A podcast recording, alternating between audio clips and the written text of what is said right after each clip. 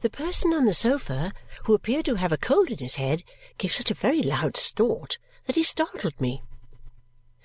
"Are you arrested for much, sir?" I inquired of Mr. Skimpole. "My dear Miss Summerson," said he, shaking his head pleasantly, "I don't know. Some pounds, odd shillings, and uh, halfpence, I think, were mentioned."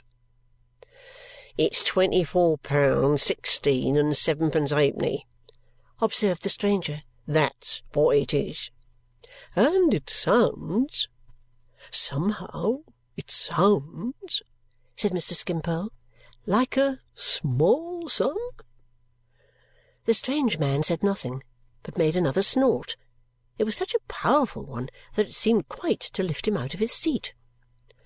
"Mr. Skimpole," said Richard to me, "has a delicacy in applying to my cousin Jarndyce because he has lately I think, sir, I understood you that you had lately "Oh, yes," returned Mr. Skimpole, smiling, "though I forgot how much it was and when it was. Jarndyce would readily do it again, but I have the epicure-like feeling that I would prefer a novelty in help, that I would rather," and he looked at Richard and me, "develop generosity in a new soil and in a new form of flower."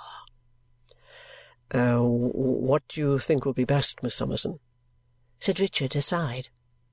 I ventured to inquire generally, before replying, what would happen if the money were not produced. "Jail," said the strange man, coolly putting his handkerchief into his hat, which was on the floor at his feet, "or Coavinses." "May I ask, sir, what is "Coavinses," said the strange man. "A house." Richard and I looked at one another again. It was a most singular thing that the arrest was our embarrassment and not Mr. Skimpole's. He observed us with a genial interest, but there seemed, if I may venture on such a contradiction, nothing selfish in it. He had entirely washed his hands of the difficulty, and it had become ours. "I uh, thought," he suggested as if good-naturedly to help us out that being parties in a Chancery suit concerning, as people say, a large amount of property, Mr. Richard or his beautiful cousin, or both, could sign something, or make over something, or give some sort of undertaking, or pledge, or bond I don't know what the business name of it may be, but I suppose there is some instrument within their power that would settle this?" "Not a bit on it," said the strange man. "Really?" returned Mr. Skimpole. "That seems odd, now, to one who is no judge of these things." "Odd or even?" Said the stranger gruffly. "I tell you, not a bit on it." "Keep your temper, my good fellow, keep your temper," Mr. Skimpole gently reasoned with him as he made a little drawing of his head on the fly-leaf of a book. "Don't be ruffled by your occupation. We can separate you from your office. We can separate the individual from the pursuit. We are not so prejudiced as to suppose that in private life you are otherwise than a very estimable man with a great deal of poetry in your nature of which you may not be conscious." The stranger only answered with another violent snort, whether in acceptance of the poetry tribute or in disdainful rejection of it, he did not express to me. "Now, my dear Miss Summerson and my dear Mr. Richard," said Mr. Skimpole gaily, innocently, and confidingly as he looked at his drawing with his head on one side, "here you see me utterly incapable of helping myself and entirely in your hands. I only ask to be free. The butterflies are free. Mankind will surely not deny to Harold Skimpole what it concedes to the butterflies. My dear Miss Summerson, said Richard in a whisper, I have uh, ten pounds that I received from Mr. Kenge. I must try what that will do. I possessed fifteen pounds odd shillings, which I had saved from my quarterly allowance during several years. I had always thought that some accident might happen which would throw me suddenly, without any relation or any property, on the world, and had always tried to keep some little money by me that I might not be quite penniless. I told Richard of my having this little store and having no present need of it, and I asked him delicately to inform Mr. Skimpole, while I should be gone to fetch it, that we would have the pleasure of paying his debt. When I came back, Mr. Skimpole kissed my hand and seemed quite touched. Not on his own account I was again aware of that perplexing and extraordinary contradiction but on ours, as if personal considerations were impossible with him and the contemplation of our happiness alone affected him. Richard, begging me, for the greater grace of the transaction, as he said, to settle with Coavinses, as Mr. Skimpole now jocularly called him, I counted out the money and received the necessary acknowledgment. This, too, delighted Mr. Skimpole. His compliments were so delicately administered that I blushed less than I might have done and settled with the stranger in the white coat without making any mistakes. He put the money in his pocket and shortly said, Well, then, I'll wish you a good evening, miss. My friend, said Mr. Skimpole, standing with his back to the fire after giving up the sketch when it was half finished, I should like to ask you something, without offence. I think the reply was, Cut away, then. Did you know this morning, now, that you were coming out on this errand? said Mr. Skimpole. Knowed it yesterday afternoon at tea-time said Coavinses. It didn't affect your appetite? Didn't make you at all uneasy? Not a bit, said Coavinses. I knowed if you was missed to-day, you wouldn't be missed to-morrow. A day makes no such odds. But when you came down here, proceeded Mr. Skimpole, it was a fine day. The sun was shining, the wind was blowing, the lights and shadows were passing across the fields, the birds were singing. Nobody said they warn't in my hearing, returned Coavinses. No, observed Mr. Skimpole. But what did you think upon the road? What do you mean? Growled Coavinses with an appearance of strong resentment. Think! Oh, I've got enough to do and little enough to get for it without thinking. Thinking! With profound contempt. Then you didn't think, at all events, proceeded Mr. Skimpole, to this effect. Harold Skimpole loves to see the sunshine, loves to hear the wind blow, loves to watch the changing lights and shadows, loves to hear the birds, those choristers in nature's great cathedral, and does it seem to me that I am about to deprive Harold Skimpole of his share in such possessions, which are his only birthright? You thought nothing to that effect? I certainly did not, said Coavinses, whose doggedness in utterly renouncing the idea was of that intense kind that he could only give adequate expression to by putting a long interval between each word and accompanying the last with a jerk that might have dislocated his neck. Very odd and very curious the mental process is in you men of business said Mr. Skimpole thoughtfully. Thank you, my friend. Good night. As our absence had been long enough already to seem strange downstairs, I returned at once and found Ada sitting at work by the fireside talking to her cousin John. Mr. Skimpole presently appeared, and Richard shortly after him. I was sufficiently engaged during the remainder of the evening in taking my first lesson in backgammon from Mr. Jarndyce, who was very fond of the game and from whom I wished of course to learn it as quickly as I could, in order that I might be of the very small use of being able to play when he had no better adversary. But I thought occasionally, when Mr. Skimpole played some fragment of his own compositions, or when, both at the piano and the violoncello, and at our table, he preserved, with an absence of all effort, his delightful spirits and his easy flow of conversation, that Richard and I seemed to retain the transferred impression of having been arrested since dinner and that it was very curious altogether.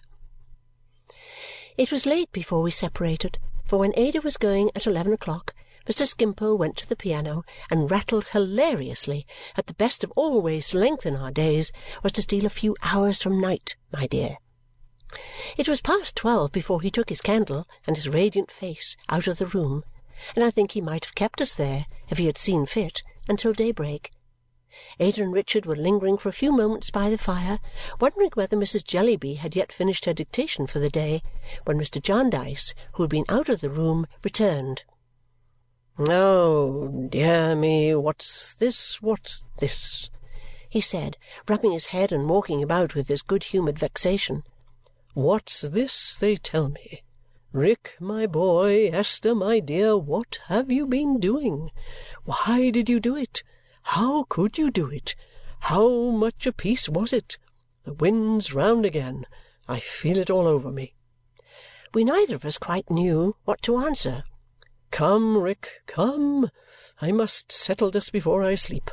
How much are you out of pocket? You two made the money up, you know.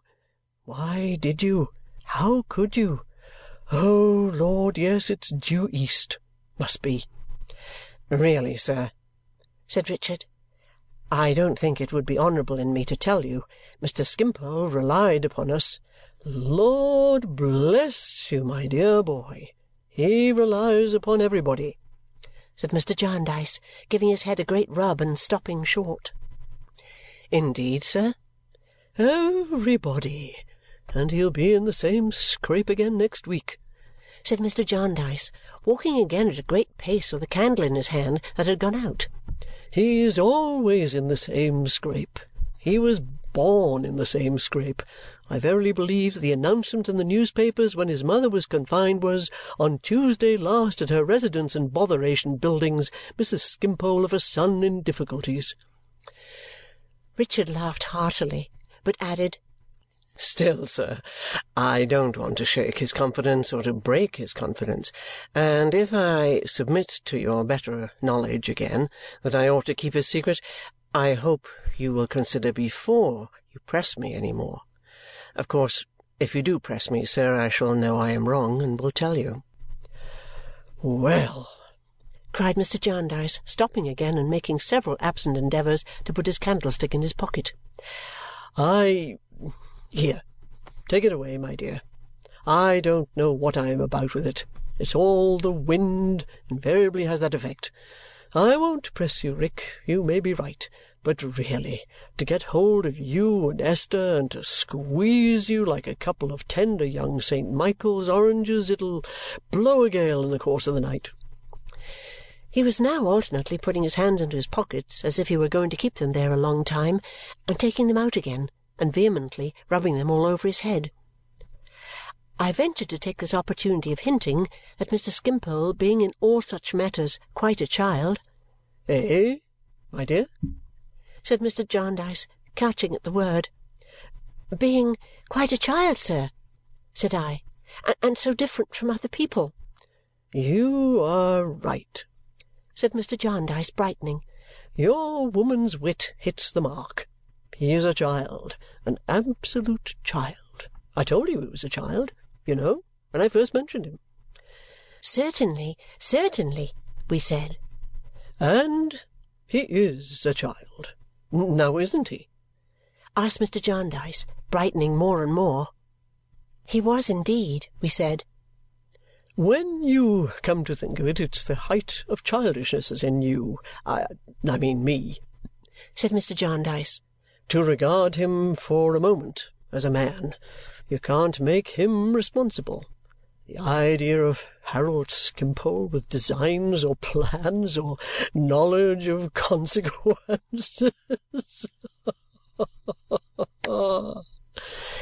It was so delicious to see the clouds about his bright face clearing, and to see him so heartily pleased, and to know, as it was impossible not to know, that the source of his pleasure was the goodness which was tortured by condemning or mistrusting or secretly accusing any one, that I saw the tears in Ada's eyes while she echoed his laugh and felt them in my own.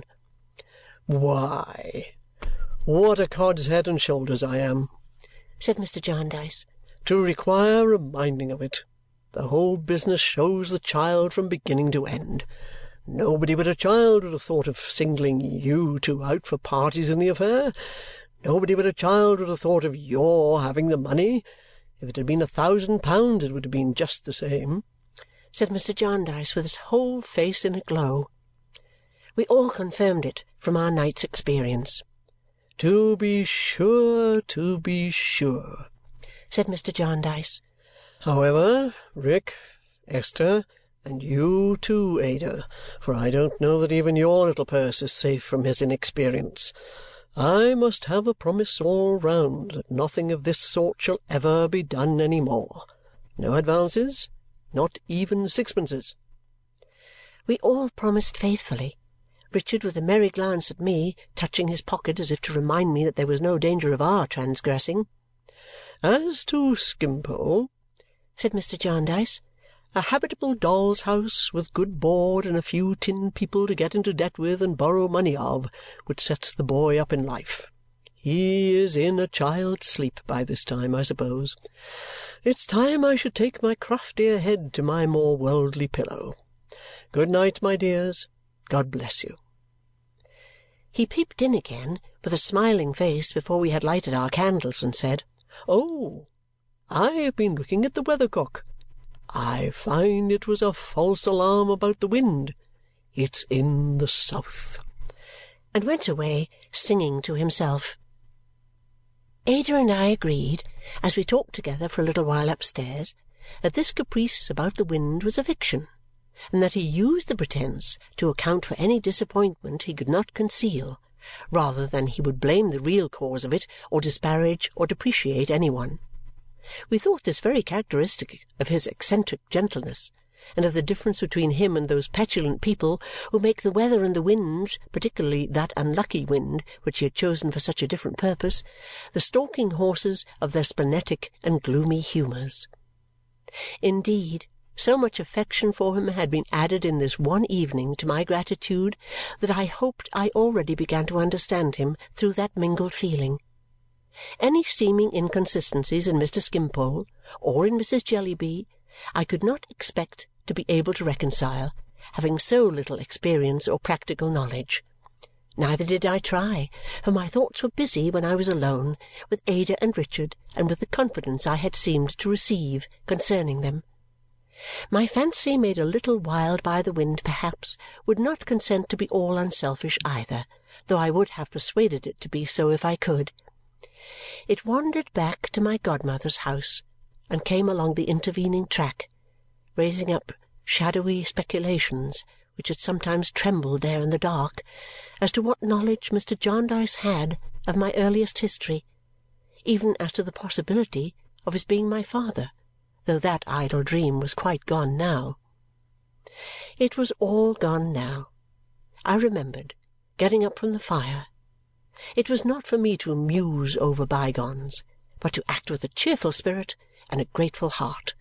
So I said to myself, Esther, Esther, Esther, duty, my dear, and gave my little basket of housekeeping keys such a shake that they sounded like little bells and rang me hopefully to bed.